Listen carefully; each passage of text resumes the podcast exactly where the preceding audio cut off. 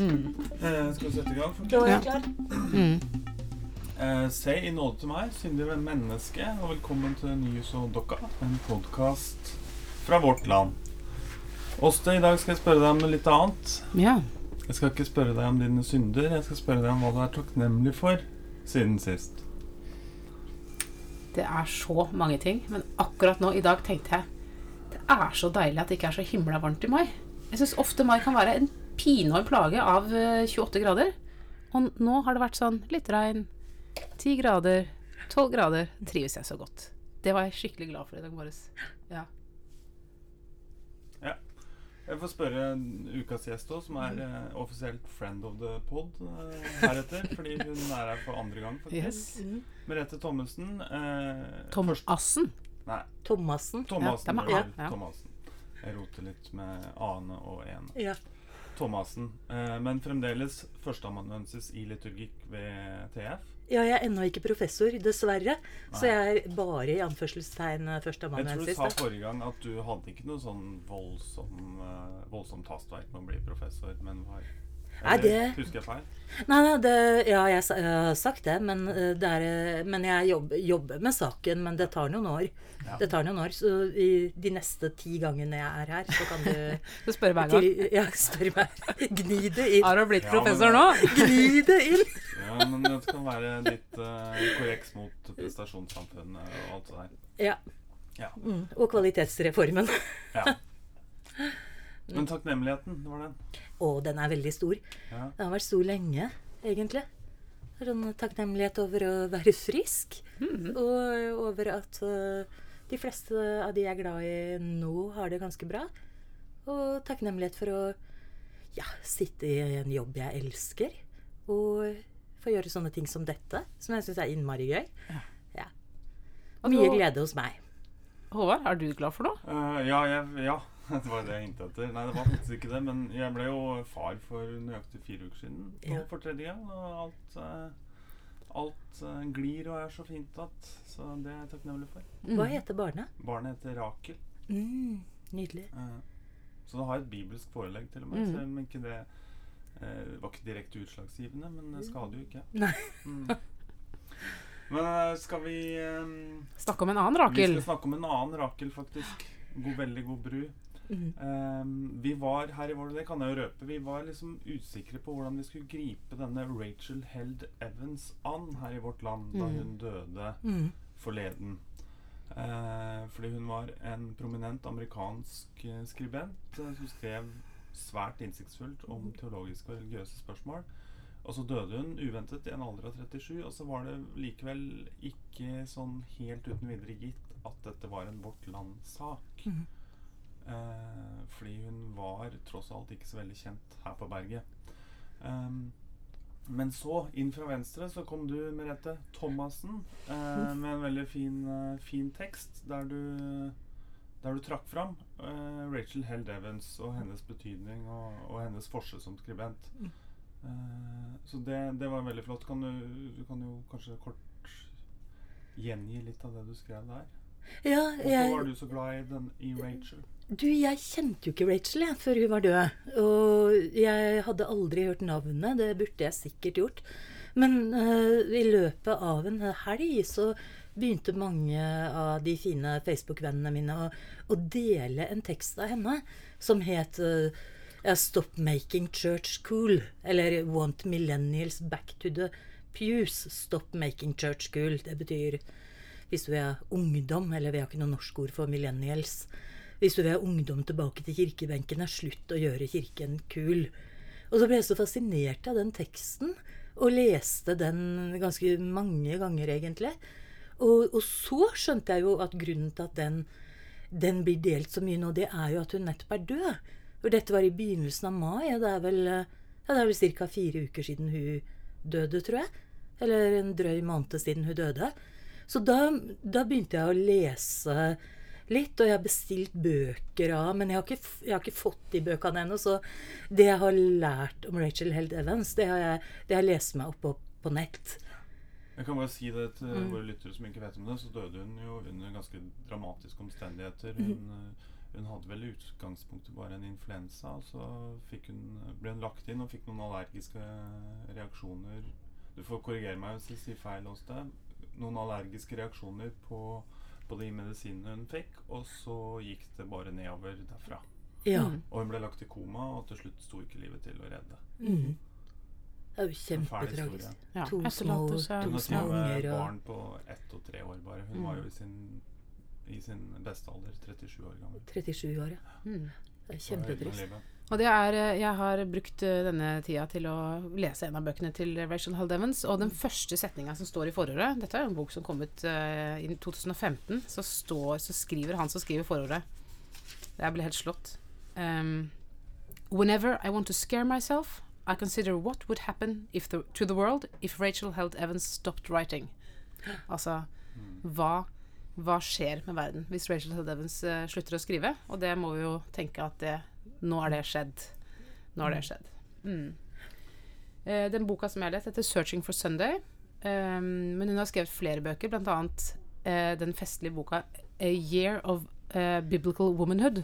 Som er et eh, Hun forteller om det et år hvor hun prøver å følge alle forskriftene i Bibelen om hvordan kvinner skal oppføre seg. Eh, og det, det er jo både Ja, hvordan går det egentlig?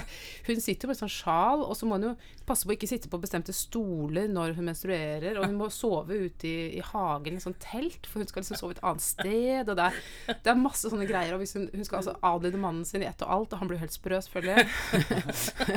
så er det veldig mye sånn, men det er klart at dette er jo en kjempefin inngang til å til at hun får tematisert eh, spørsmål knytta til kjønn i, eh, i Bibelen og i, i kristelig kultur.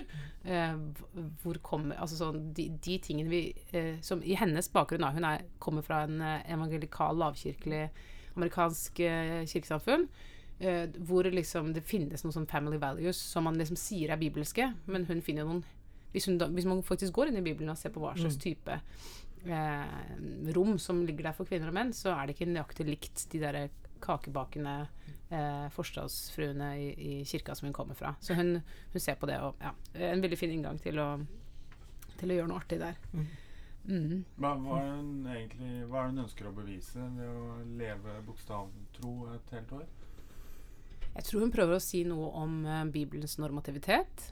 Eh, hun prøver å ta opp konkret forholdet mellom kjønnene i måten eh, vi lever sammen på, både innen kristne sammenhenger og i andre sammenhenger. Og så, så er hun er jo også ganske morsom. Det, det skal også sies. Hun er en artig skribent. Hun har uh, veldig snert. Så jeg tror det ligger også et litt sånn humorprosjekt der som hun syns er uh, Ja. ja, Jeg så. Ja. ja, jeg så tittelen på det er mulig det var den første boka som het sånn 'Leaving Monkeytown'. Altså Hun gikk jo på en skole hvor de lærte um, Altså om de var kreasjon, Jo, de er de kreasjonister. Mm. Så liksom uh, dette med ape, apekattlæren, da, den, den tar hun veldig avstand fra. Så det er en veldig sånn fremmedarta, men likevel gjenkjennelig troshistorie. Men altså men apekattlæren så mener du forestillingen om at mennesket stammer fra apene? ja, Ja. mm. Ja, at hun Darwin, da. Ja. At uh, hun, har, hun er oppdratt. Hun gikk på en av de high school eh, som, eh, som har virkelig hatt en sånn rein kreasjonistisk Ja. eh, opplæring. Også kirka som altså både, Hun gikk på en kristen skole hele veien. Hun gikk på eh, kristent college, hvor hun også møtte mannen sin. Eh, faren hennes var professor i Det gamle testamentet i, på, et annet, eh, eller på det samme eh, kristne colleget. Så hun har på en måte blitt veldig sånn sant, i sørstaten i USA eh, oppdratt godt og grundig i den, den tradisjonen. Eh, og som hun også, i den boka 'Searching for Sunday', som jeg har lest, som hun også verdsetter enormt høyt. For det er så mange ting hun har fått med seg derfra, som hun syns er eh, fantastisk. Og så er det så vondt og vanskelig, og etter hvert for henne å være en del av det, at hun og mannen da, etter mye om og men, forlater den kirka som hun eh, er vokst opp i, og han også vokst opp i.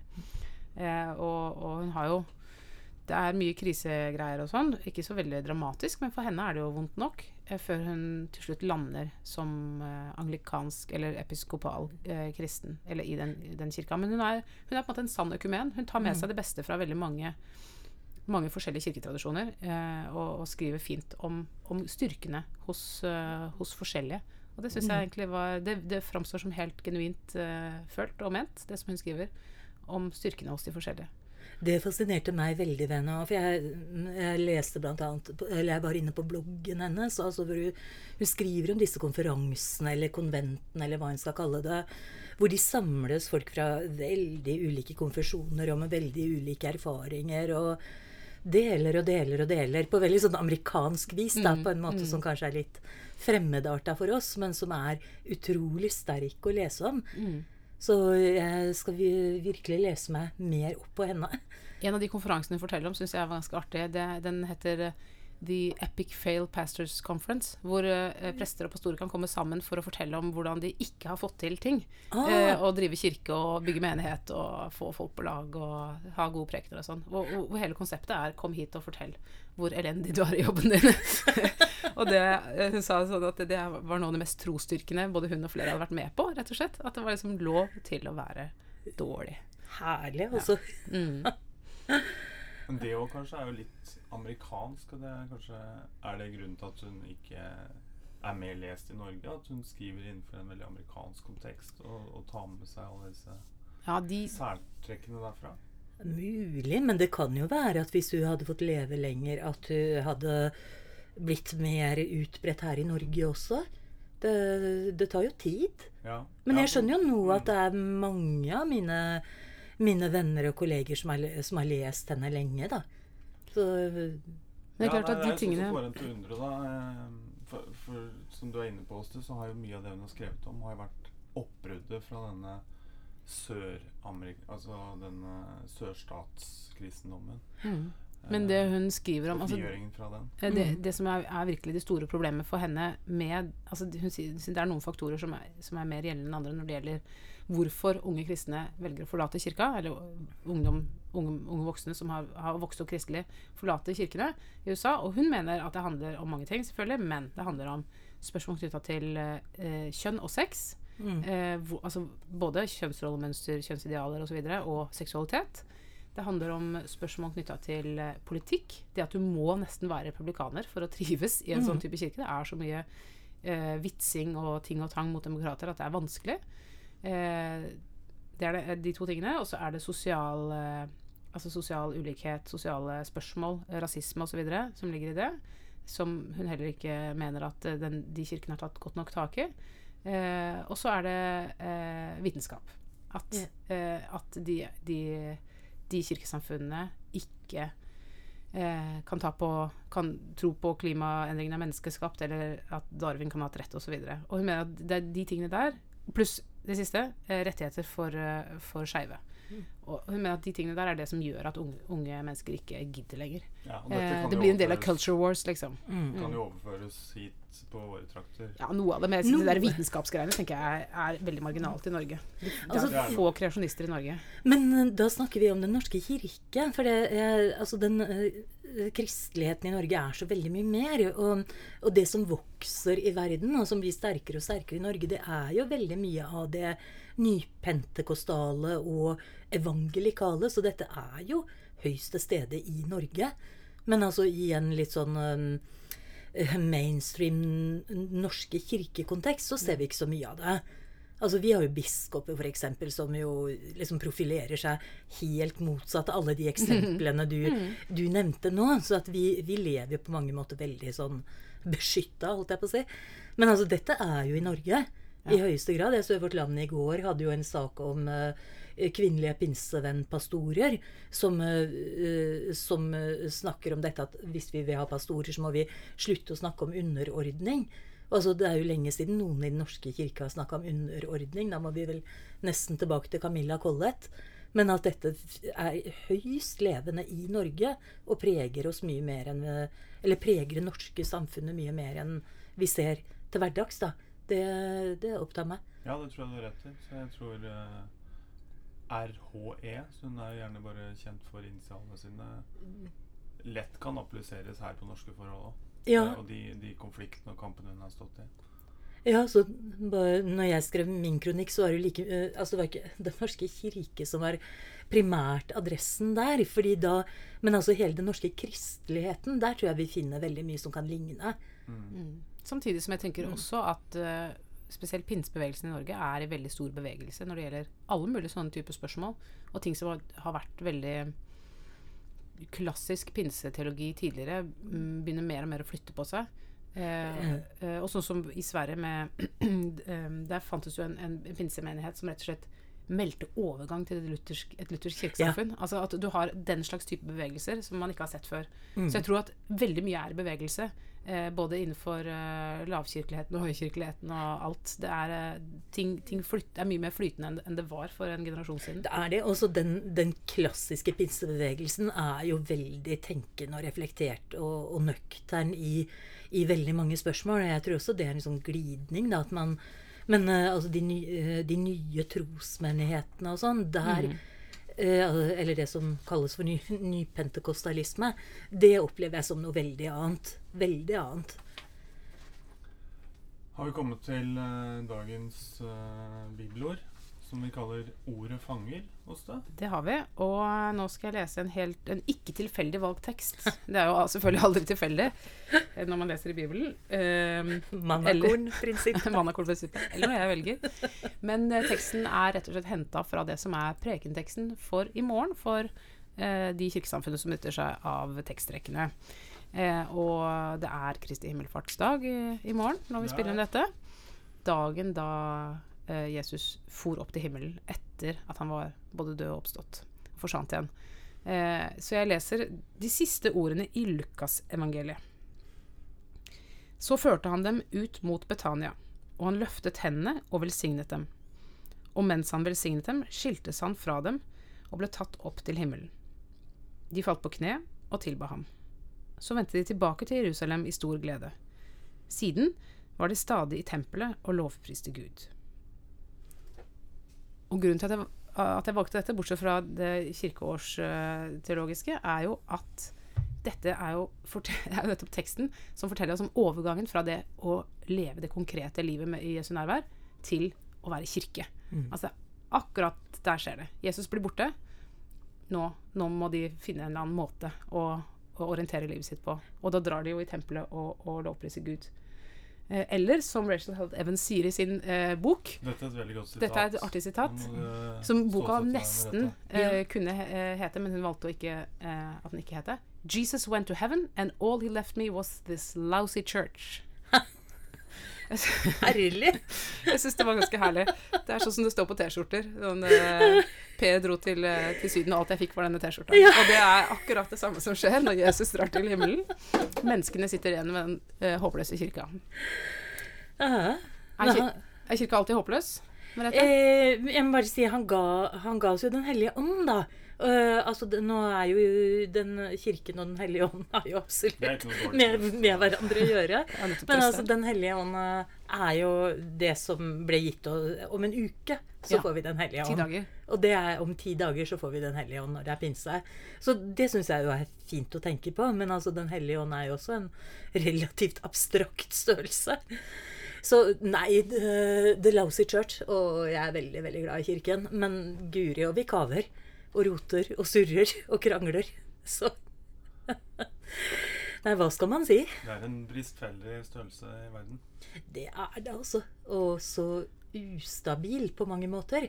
Altså hva, hva som er sannhetene i kirken, og hvordan de endrer seg og sånn. Det, det This lousy church. Jeg syns det var fint sagt. Ja. Og det er jo um, hun, eh, I boka 'Searching for Sunday' så skriver jo Evans om eh, både det og uh, Undertittelen er 'Loving, Leaving and Finding the Church'. Altså hun, hun er jo på en vei hvor hun er i eh, ulik tilknytning til kirka, og har både denne kjærligheten og den eh, ja, følelsen av dette er jo ganske lousy. Ja. Men så sier hun eh, Hun har flere sånne fine, fine ting hun sier om kirka. Det ene er jo mm, når, når Paulus sier at uh, kirka er eh, eh, Kristi legeme, altså Mm. Kristi kropp, så kanskje vi kan se på kirka som kroppen vår, da. Ja, vi kan se oss i speilet. Vi kan, vi kan se Ja, så kan vi eh, kan vi se fantastisk. Eh, jeg jeg Mm. fungerer. Jeg kan puste. Jeg kan, eh, jeg kan eh, gi andre Til noe tross- med kroppen min. Til tross for cellulittene mine kan Ja, jeg ikke puste. Ja, det er veldig fint. Ikke sant? Ja. Ja, kanskje jeg har et vondt kne, men jeg, men jeg har, må ha omsorg for denne kroppen og, Mm. og anerkjenne liksom det fantastiske i den. Det er liv. Det er, det er jo helt utrolig. Og samtidig må man liksom også bare se det som, det som kanskje ikke er helt optimalt. Svaksynte som vi er, gamle, gamle hele gjengen. Ja. ja. Så det likte jeg godt. Men hun sier også det at eh, kanskje kommer kirka til å dø. kanskje er, eh, kanskje, og kanskje det en, kan det også være en god død. Hun har noen eksempler i boka si på kirker som har dødd. Kirker som har, har, forsvunnet, eller menigheter som har dødd. Og beskriver også hvordan deres død har faktisk også kunnet bringe nytt liv em, på, på ulikt vis. Og hun sier at vi hvis, vi hvis vi hadde vært gartnere, så hadde vi ikke vært bekymra for død. For død er jo det som livet lever av. Eh, og vi som er i liksom, eh, død- oppstandelsesbransjen, trenger jo ikke bekymre oss over at kirka skal dø, for kanskje, den kan, kanskje det kan skape noe helt nytt. For alt, alt liv starter jo i det mørke. Frøet i jorda. Eh, barnet i livmora. Eh, Jesus i den tomme grav. Ikke sant? Eller hvis han er der, så er han jo ikke tom. Men altså, det er, det er i mørket, det er i død, at nytt liv oppstår. Altså, det er jo hvetekornets lov, da. At noen må dø. Men kan vi snart snakke litt om sakramentene? Ja. Fordi uh, Rachel vender jo tilbake til kirken pga. sakramentene. In this lousy church. Og uh, det var det som traff meg så voldsomt. At jeg, jeg kan jo være enig i at kirken sånn uh, jeg, altså jeg, jeg, mitt forhold til kirken er et kjærlighetsforhold, så jeg, jeg gjenkjenner ikke liksom at det er et sånt hat-kjærlighetsforhold, for det er, det er først og fremst kjærlighet. Men, men altså fortvilelsen over alt vi surrer og roter med og ikke forstår og sånn, den, den kjenner jeg jo veldig igjen. Og det hun vender tilbake til kirken pga., det er jo sakramentene. Og eh, altså Nå har jo den episkopale kirken litt sånn breiere sakramentsforståelse enn den lutherske. De regner jo mye mer som sakramenter enn det vi lutheranere gjør. For vi har jo bare dåp og, dåp og nattverd. Men det som ligger i sakramentsteologien, det er jo at til tross for alt som ikke fungerer, til tross for dårlig forkynnelse, dumme prester, umoralske prester, maktmisbruk, ko- øh, korrupsjon, så virker sakramentene. Og, øh, og det, der kommer mitt lutherske jeg veldig Altså det vekker veldig gjenklang i mitt lutherske jeg. På, på Luther som sier i Confessia Augustana 8 at sakramentene er gyldige selv om de forvaltes av onde og ugudelige. Altså det som kalles for opus operator. da. Dette kan jo Åste mye bedre enn meg som Luther-forsker. Men, øh, men altså, det er noe her som virker. Og øh, altså, noen, noen sier jo at ja, men dette blir en sånn rent magisk forståelse av sakramentene. Ja, so what? Altså, det er jo masse magi i kristendommen. Så om, om man tenker en så, øh, at det er noe som virker utafor oss sjøl, da, så er det magi. Men likevel så er jo sakramentene det synlige tegnet. Altså, eller nådemidlene. Der hvor Gud formidler oss sin nåde. Og det var der mitt sånn ja og amen og, og, og gjenkjennelse oppsto overfor uh, Rachel. Ja. Er det også derfor eh, du får, Og nå får du stoppe meg hvis jeg tar feil. Og nå skal jeg prøve å oppsummere slik jeg har forstått din posisjon. Så Mm. har du et ganske rigid syn på liturgien i kirka og, hva, og hvordan den skal besørges, og rekkefølgen på ting. Eh, du, du er åpen for tilpasninger i kirka i møte med en ny kultur og en ny tid, men akkurat liturgien må stå fast. Nei, nei, nei, nei, nei, nei, ok, nei. ja, da skjønner jeg. Eh, altså, jeg er en gammel feministteolog som har jobba med feministiske gudstjenester og vært med på å lage 8. mars-gudstjenester og og altså eh, i, i liksom hele sånn liturgi nedenfra-tradisjonen hvor jeg står. Altså eh, den liturgiske teologien, som jeg, som jeg er veldig opptatt av å identifisere meg med, den sier jo akkurat det motsatte. Altså at når når verden kaller til endring da, i liturgien, så altså når, når verdens nød og, og, og, ut, øh, nød og, lidelse utfordrer teologien, nei, liturgien, så må vi ta dette inn. Så det, det er jo det som er min posisjon. Så jeg, Men bortsett fra Merete, ordo. Ordo ligger fast. Ordo ligger fast! Altså, det kan man ikke endre på. Det Der tuller vi ikke. Ja, det var det vi hadde i mente. Hva Ja. var denne ordoen, ja? Som det Rett- Ja, for ordo er noe helt annet. Eller det er ikke noe helt annet, da. Men altså, det, det er eh, Altså, I denne verdensvide eller økumeniske liturgiske teologien så, så fylles jo gudstjenestene på veldig veldig mange ulike måter. altså sånn Kontekstuelt og kulturelt og, og teologisk. Men i den eh, liturgiske teologien så er man enige om at for at vi liksom skal kunne samles i en felles gudstjenestefeiring, så, så lar vi rekkefølgen stå fast. Altså ordoen. Så eh, når det gjelder ordoen, så er jeg veldig tydelig. Der, kan, der er det Mm. ok at jeg kaller deg rigid. Ja, det var jo øh, kan du, Skal vi prøve oss på litt positiv redefinering? Ja, Fast bestemt. Tydelig. Ja, Tydelig, ja. Tydelig. Ja, det er fint. Ja, tydelig. Der er jeg veldig tydelig på vegne av den liturgiske, økumeniske liturgiske teologien. Men det var jo ikke eh, altså, et av, et av, Dette er jo en ting. altså Ordo er jo en ting som kanskje ikke så veldig mange eh, vanlige kirkegjengere reflekterer så veldig mye over hvilken rekkefølge ting kommer i. Men det som jo var et av hovedpoengene i, den, i den kommentaren du skrev om Rachel Held Evans, og også måte, overskriften hennes, var jo at man ikke skal prøve å gjøre kirka kul. Ja, Og da lurer jeg på, hva er forskjellen på at verden kaller, som du sier, Ja. til liturgisk endring, ja, og det eh, som på en måte nedlatende blir kalt for kulhet. For jeg tenker at den som sier at, no, at denne kirka her prøver å være kul, den sier jo også at det kulturelle uttrykket her, det er ikke kirkelig, eller det er ikke noe vits, det er ikke bra nok, eller hva som helst. Nei, og det er, jo et, øh, det er jo hele hovedspørsmålet, det du sier der. Fordi de, denne balansen altså Dette er et vippepunkt hvor vi står hele tida. Men jeg har bare lyst til å presisere hva Rachel omtaler som eksempler. Altså, jeg har jo mine få 4000 tegn når jeg skal skrive disse kronikkene. Og min strenge debattredaktør Håvard Nyhus sier jo hvis det virkelig brenner, så kan du få, liksom, få 100, 100 tegn til. Men eh, det er jo ikke mye jeg får plass til, så jeg måtte bare ta ett sitat.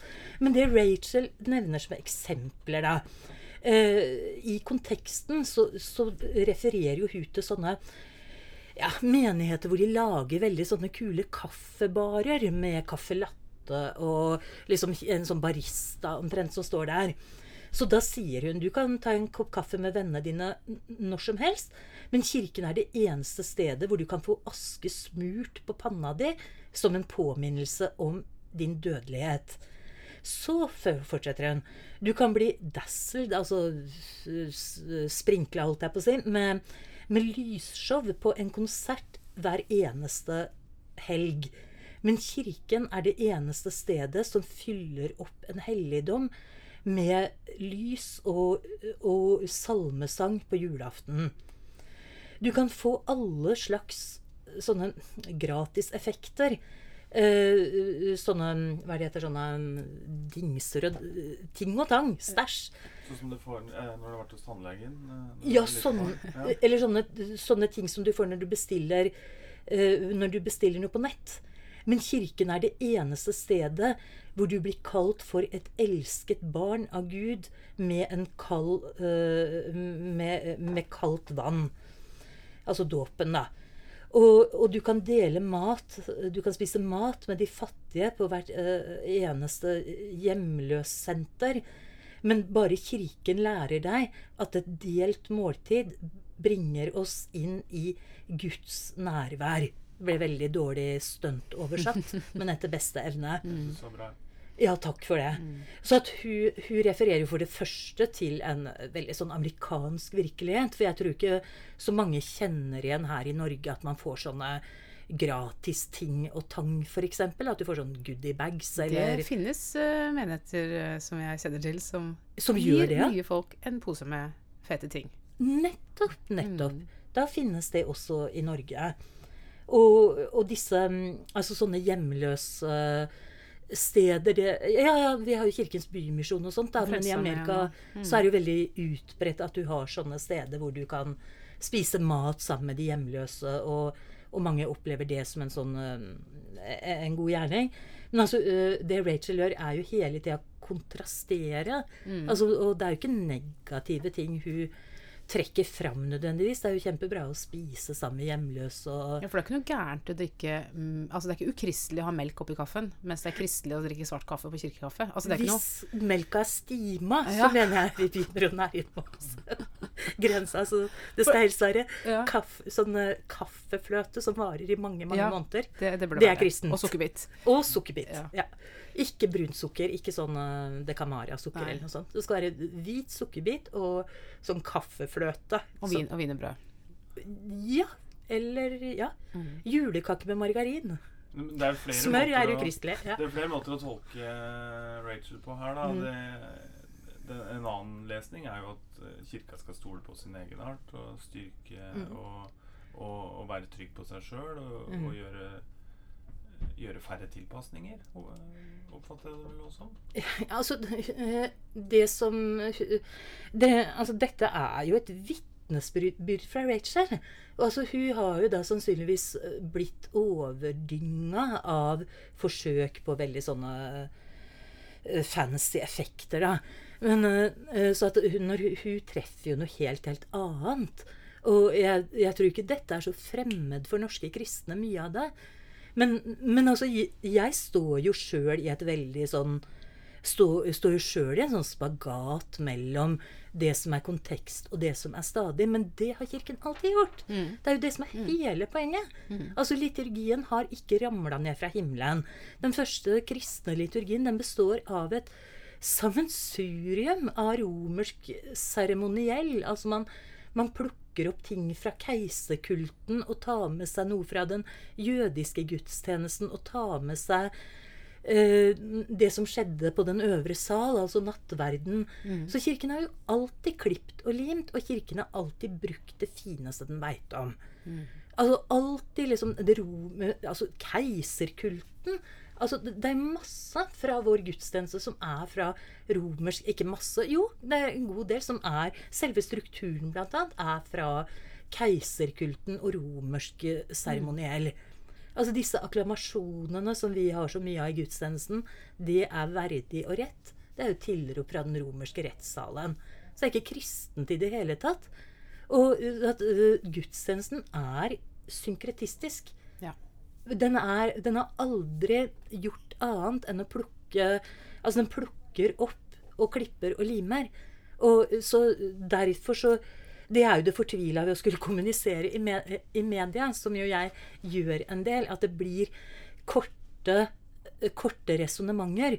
Men altså, dette har jeg jo skrevet bøker om, og vitenskapelige artikler hvor jeg liksom hele tida prøver å bygge opp dette dilemmaet. Og det har alltid vært kirkens dilemma. Alltid. Altså, det fins en million bøker om kirken mellom tradisjon og samtid. Du er jo sitert veldig kort i Vårt Land i dag. Du kan jo kanskje få muligheten til å utbrodere det, da. Ja. Jeg, du, jeg kan jo lese på hva du har sitert på i dag. Det Utgangspunktet der er at uh, en journalist i Adressa synes at Mm. eh, gudstjenesten i Trondheim var veldig kjedelig, og så repliserte den såkalte Rosenborg-presten med Ja. at ja, prøv å gjøre det noe bedre sjøl, da. Mhm. Så han rettet utfordringen andre veien.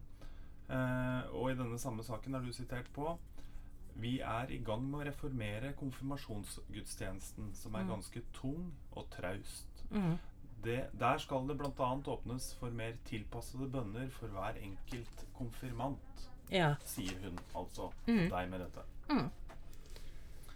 Det var, var, det var kanskje fyllestgjørende, det sitatet? Eller var det noe mer du ville sagt? Nei, altså, jeg, jeg sitter jo i nemnd for gudstjenesteliv, så jeg er jo inne i Jeg sitter, jeg sitter her på 10. eller 11. året nå, da. Så jeg har jo vært med i den prosessen veldig, veldig lenge. Og har vært med på å utforme en god del av de liturgiforslaga som, eh, som kommer. Nei, eh, så, eh, altså det er masse som må tas fatt i og sånn, men jeg må jo si jeg får veldig vondt av denne presten som eh, liksom får en sånn kronisk skrive om seg. Og Det, det ville jeg aldri gjort sjøl. Han tok det veldig sporty. Men det var ikke Steinar. Jo, det var Steinar. Det var Steinar! Jeg vet ikke om det var han som hadde gudstjenesten. Steinar Lærvik.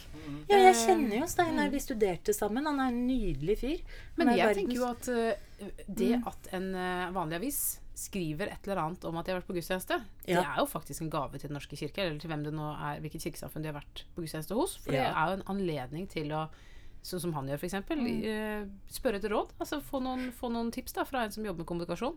Og for det andre eh, så er jo det å bli sett og kritisert eh, også en, en anerkjennelse. Eh, som kanskje kan faktisk bli flinkere eller få sagt noe viktig i sammenhengen. Det sier jo veldig mye om Steinar, da. Han, at han tar utfordringa på en så fantastisk måte.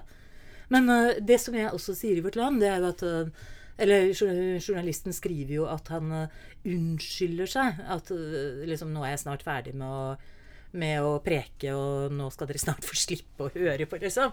Og det, det tenker jeg jo er veldig defensivt, da, at det er litt sånn retorisk. uh, ikke veldig lurt. Nå skal jeg si noe, men ikke, ikke vær redd, jeg er snart ferdig. Da har du sendt et ganske tydelig signal om at det ikke er så viktig. Jeg er nysgjerrig på Hva er til syvende og sist begrunnelsen når du sier vi er i gang med å reformere konfirmasjonsgudstjenesten? Vi reformerer liturgier hele tida innenfor gudstjenester. Ja, men hva er den, hva er den uttalte målsetningen med det? Eh, vet du hva, Nå blir jeg litt sva- svar skyldig, fordi vi, eh, vi har så innmari mange saker nå på, på eh, dagsordenen. Så vi, vi jobber med, med ganske mange gudstjenester parallelt nå. Men altså den konfirmasjonsliturgien har ikke vært, gjort noe med siden 1992. Så at den er øh, veldig kjedelig. Veldig, veldig kjedelig. Så det er å skape en festdag hvor hver konfirmant blir eh, mer eh, Altså liksom føler seg mer sett og hylla, da. Det, det er vel en intensjon ved den, ja. Så, men jeg bare, kan jeg fortelle om det forskningsprosjektet som jeg er med på nå? Fortell kort. Det skal jeg fortelle veldig kort. Fordi eh, vårt fagmiljø da, på Teologisk fakultet, vi, vi, vi vant et, en sånn prosjektutlysning på å forske på gudstjeneste med økning i Den norske kirke. For det er noen veldig få det er ikke veldig få. Men det er noen menigheter som har økning. I Og gudstjenestedeltakelse? I, i gudstjenestedeltakelse søndag formiddag klokka 11. Og de har ikke fått ny kirke, de har ikke hatt bytte av prest, de har ikke hatt befolkningsvekst. Eh, Så det er ordinære menigheter. Så vi i vår så har vi vært på feltarbeid. Vi er ti forskere som har vært på fire ulike gudstjenester og filma og intervjua og fått masse sånn bakgrunnsmateriell fra menighetsrådet og gudstjenesteutvalget og sånn for å finne ut åssen de jobber med gudstjenester. Og vi, vi undersøker fra, eh, fra ti ulike perspektiver da, hva det er som gjør at gudstjenestene øker. Og jeg gleder meg altså så til at vi liksom kommer litt dypere ned i dette for å se hva det er. For så langt så virker det som om det er ganske sånn ja, Det er ikke noe sånn oppsiktsvekkende ved de menighetene her. Det er ikke røykmaskiner og lysshow? Nei, det er ikke en eneste røykemaskin. Det er Eller, god eller motorsykler opp eh, midtgangen, som jeg også husker jeg så for et Mm. par år siden. Ja, det kan også skjønne. Det er mer sånn gode folk som jobber jevnt og trutt og har, til gode, har, får til, har gode relasjoner i lokalmiljøet. Godt samarbeid med musikklivet, kanskje. Det er oppmuntrende, da. Det ikke er så disse gøy! Ja. Klassiske, Sånn gamle metodene som Det kan se sånn ut. Det er jo altfor tidlig å foregripe liksom, konklusjonene, da. Men sånn kontakt med, god kontakt med historielaget, så de stiller og gjør ting. altså sånn Mye som er sånn innvevd i lokalmiljøet. Kontakt med, med flyktningsenteret. Altså sånn man, man får til ting der man er. Og det, det syns jeg virker veldig, veldig løfterikt. Men dette er jo en cliffhanger, da, så det er bare å henge med. Rapporten kommer i høst. I november. Ålreit, da Mm. noterer vi oss det. Skal vi ta vår siste spalte, som vi kaller Bordet fanger, hvor Mm. du skal uh, lansere et godt samtaletema til det neste middagsselskapet du skal i? Skal vi begynne med oss, da? Det kan vi godt. Jeg har lyst til å, Det egner seg egentlig ikke så veldig godt til middagsselskap, men kanskje nettopp derfor er det litt viktig å snakke om det. Det er en ting vi snakker veldig lite om i vår tid, og det er snørr. Jeg er så nysgjerrig på hva snørr egentlig dypest sett er for noe. Skiller det seg fra spytt? Er det er det, det samme, bare litt lenger opp? Uh, I hvert fall det er sånn tynt snørr. Uh, er det, hvorfor er det bak en bakterie Hvorfor syns vi det er ekkelt å spise snørr når det er helt greit å svelge spytt? Er det, ehm, er det egentlig noe fors... Altså sånn, det, er, det er greit å, å dra inn snørra. Sånn, det er ingen som reagerer hvis noen gjør det, men det er ikke greit å, å, å spise det, selv om det skal akkurat samme sted. Det går jo ned i halsen. Det er jo en liten sånn slisse bak i halsen. Det er Og- mange som ikke liker akkurat den uh, Et lite snufs. der. ja. Det er ikke, det er ikke sett veldig ned på, er det det? Nei, lite Jeg- snufs eh, går kanskje litt Ja. eh, Ja, skikkelig sånn drag. drar en sånn drag, ja. ja. Ja. Så, så tenker jeg sånn er i er, hvert fall opplært at det ikke er. Hvis det lages opp i bihulene hele tida altså, jeg, jeg, jeg trodde før kanskje at det var et lager med snørr et sted, men det er det åpenbart ikke. Det, det lages, produseres på nytt i de bihulene, tror jeg. Hvor kommer på en måte, råmaterialet fra? Er det liksom, kommer det fra hjernen? Altså, for det er jo oppi bak kinna. Jeg har så mange spørsmål. Ja, sånn der, og jeg har er prøvd å spørre leger, og de liksom de bare skyldige. De virker som de Er er litt beskjemma. Ja. Tenker du at det er et appetittvekkende tema i et Nei. middagsselskap? Tar det etter desserten. Og så serverer du østers? Det hadde vært noe. Ja, Hollandes. Ja, ja, ja. Nei, men eh, vi Det- Det er opp til enhver hva Ja. de vil ta med seg videre fra denne spalten. Ja, jeg føler at ja. det er et, eh, et tabu som må brytes. Da. Det er kanskje en av de eh, Det er en av kroppsvæskene som på en måte ikke er viktig nok til å bli tabu engang. Altså det er bare ekkelt. Så jeg tenker at, at det, er, eh, det er på tide at vi snakker om snørr. Altså, De, de gråe tabuene.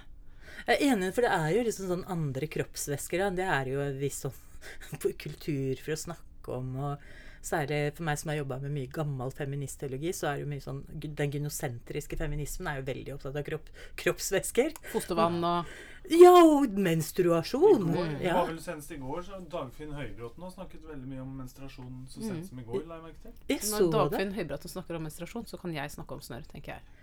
Ja, det, men mener du at det er liksom et politisk prosjekt, da? For, for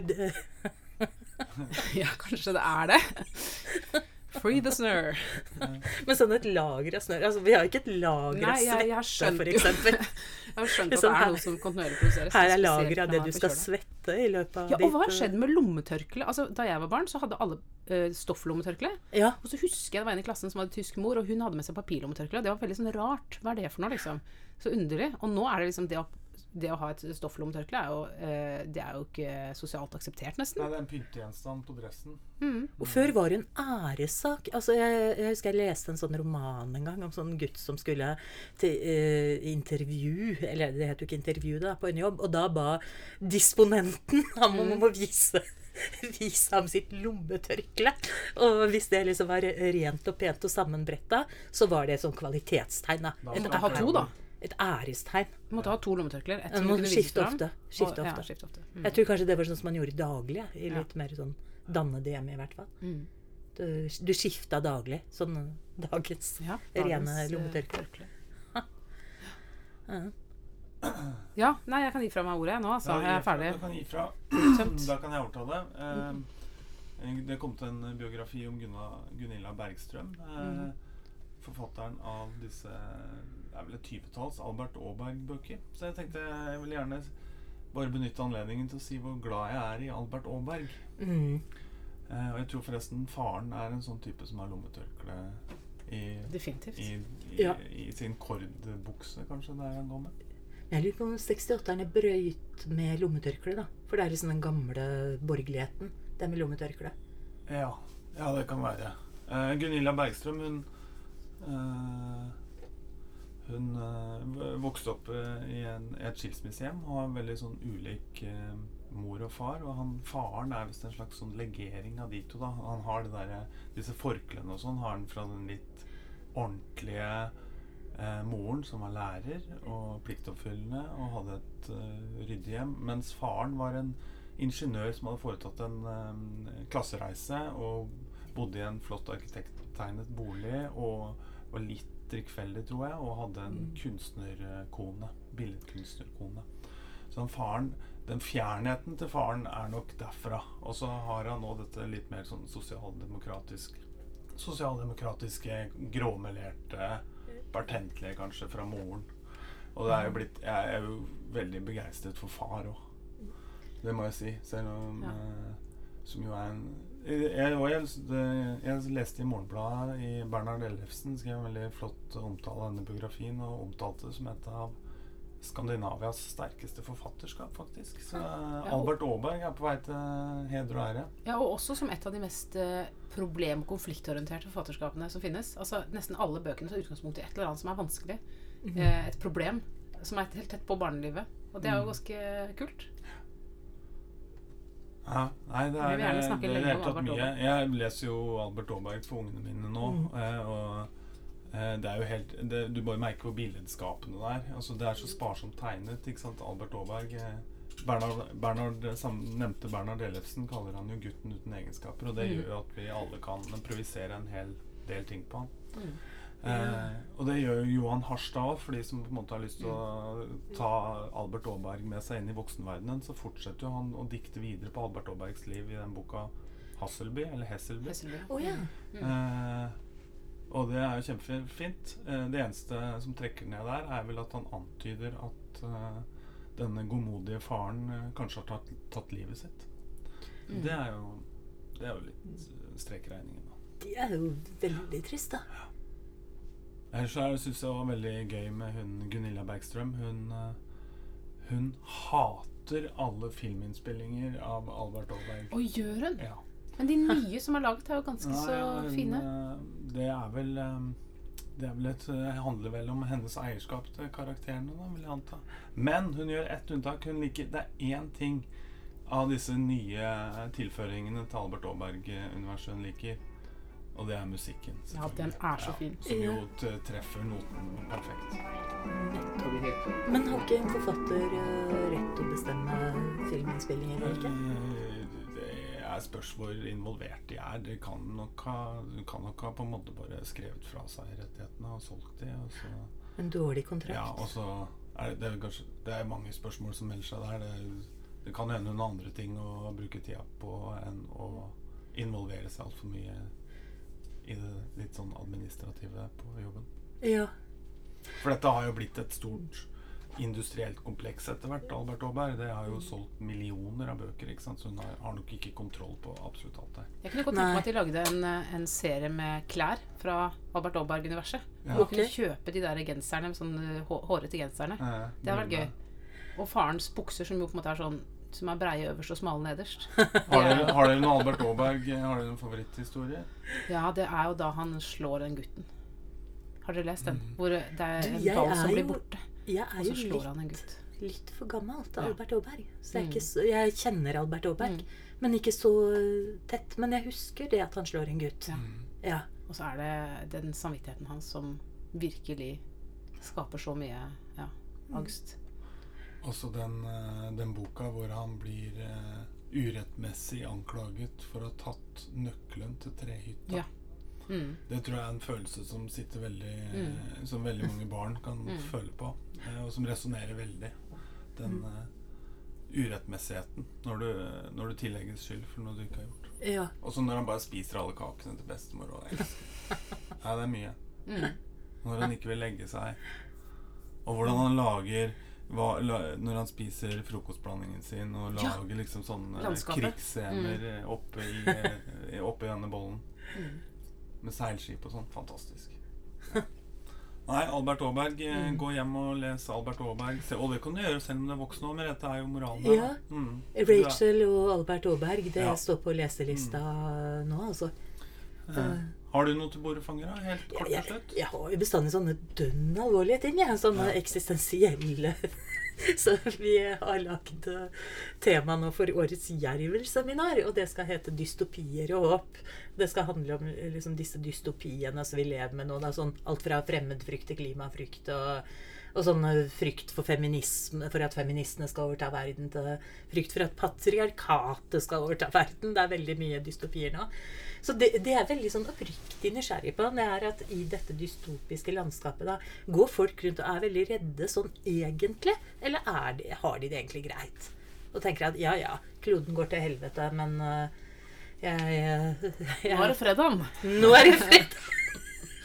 ja, det er nettopp det. Det er veldig sånn Mm. Hva tenker folk? Det er, vel, er det ikke en slags kognitiv dissonans? da? Man, er, man kan jo være redd, men uh, samtidig feire livet neste dagen. Og så lar disse tingene seg eksistere ved siden av hverandre på en eller annen måte. Det var veldig godt sagt, altså. For i fjor sommer, når det var så vanvittig fint vær, da, eller varmt vær, da gikk jeg rundt og intervjua slekt og venner og sånn. Du, hva tenker du egentlig nå om det været? Er du redd? Nei, og så fikk jeg veldig forskjellige svar. Veldig forskjellige svar. Fra noen som sa at ja, men dette er jo mitt livs sommer. Til mm. at uh, uff a meg, og ja, det er helt forferdelig. Men Til mange som eh, Kanskje de fleste ga uttrykk for det du sier, da, den kognitive dissonansen. At ja, det er jo litt rart, men det er noe deilig, og, og så skal vi jo på ferie, og så handler det tross alt om trivialitetene, da. Jeg tror vel òg at det har med det amerikanerne kaller lip service, altså hvor du sier ting som er forventet, og det er på en måte det du Snakker skal folk etter munnen. Ja, eh, eh, og jeg tror vel mange av de bekymringene mange eh, uttrykker for klimaforandringene, er lip service til syvende og sist. Jeg tenker at det mer handler om en sånn intellektuell frykt. da. Det er ikke nødvendigvis en emosjonell frykt. Det er ikke sånn at jeg går rundt og er redd og, og, og reagere fysisk eller, eller med følelsene mine. Men jeg er liksom redd uh, for prognosene. Altså jeg, jeg, jeg tror det er sannsynlig at det kommer til å skje noe ille. Men jeg, det påvirker ikke følelseslivet mitt så veldig. Men jeg, jeg har et veldig dystert syn på framtida, liksom. Mm. Og derfor så trenger jeg ikke gå rundt og ha det grusomt hele tida, men jeg tror ikke på framtida.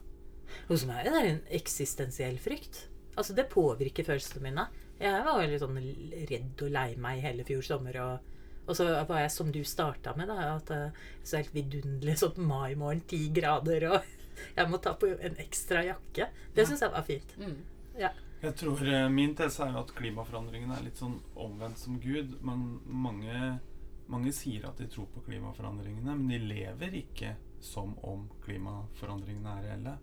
Og så har du motsatsen. Det er mange som sier at de ikke tror på Gud, mm. men de lever som om Gud finnes. Og så er Ja. det helt motsatte. ja. Det var en flott, eh, det var en Det, flott observasjon. det var en veldig fin sagt, altså. Ja, men da Kanskje vi skal avslutte der, da. Ja. Ja. Gullkorn. Takk for i dag. Takk for i dag. Takk.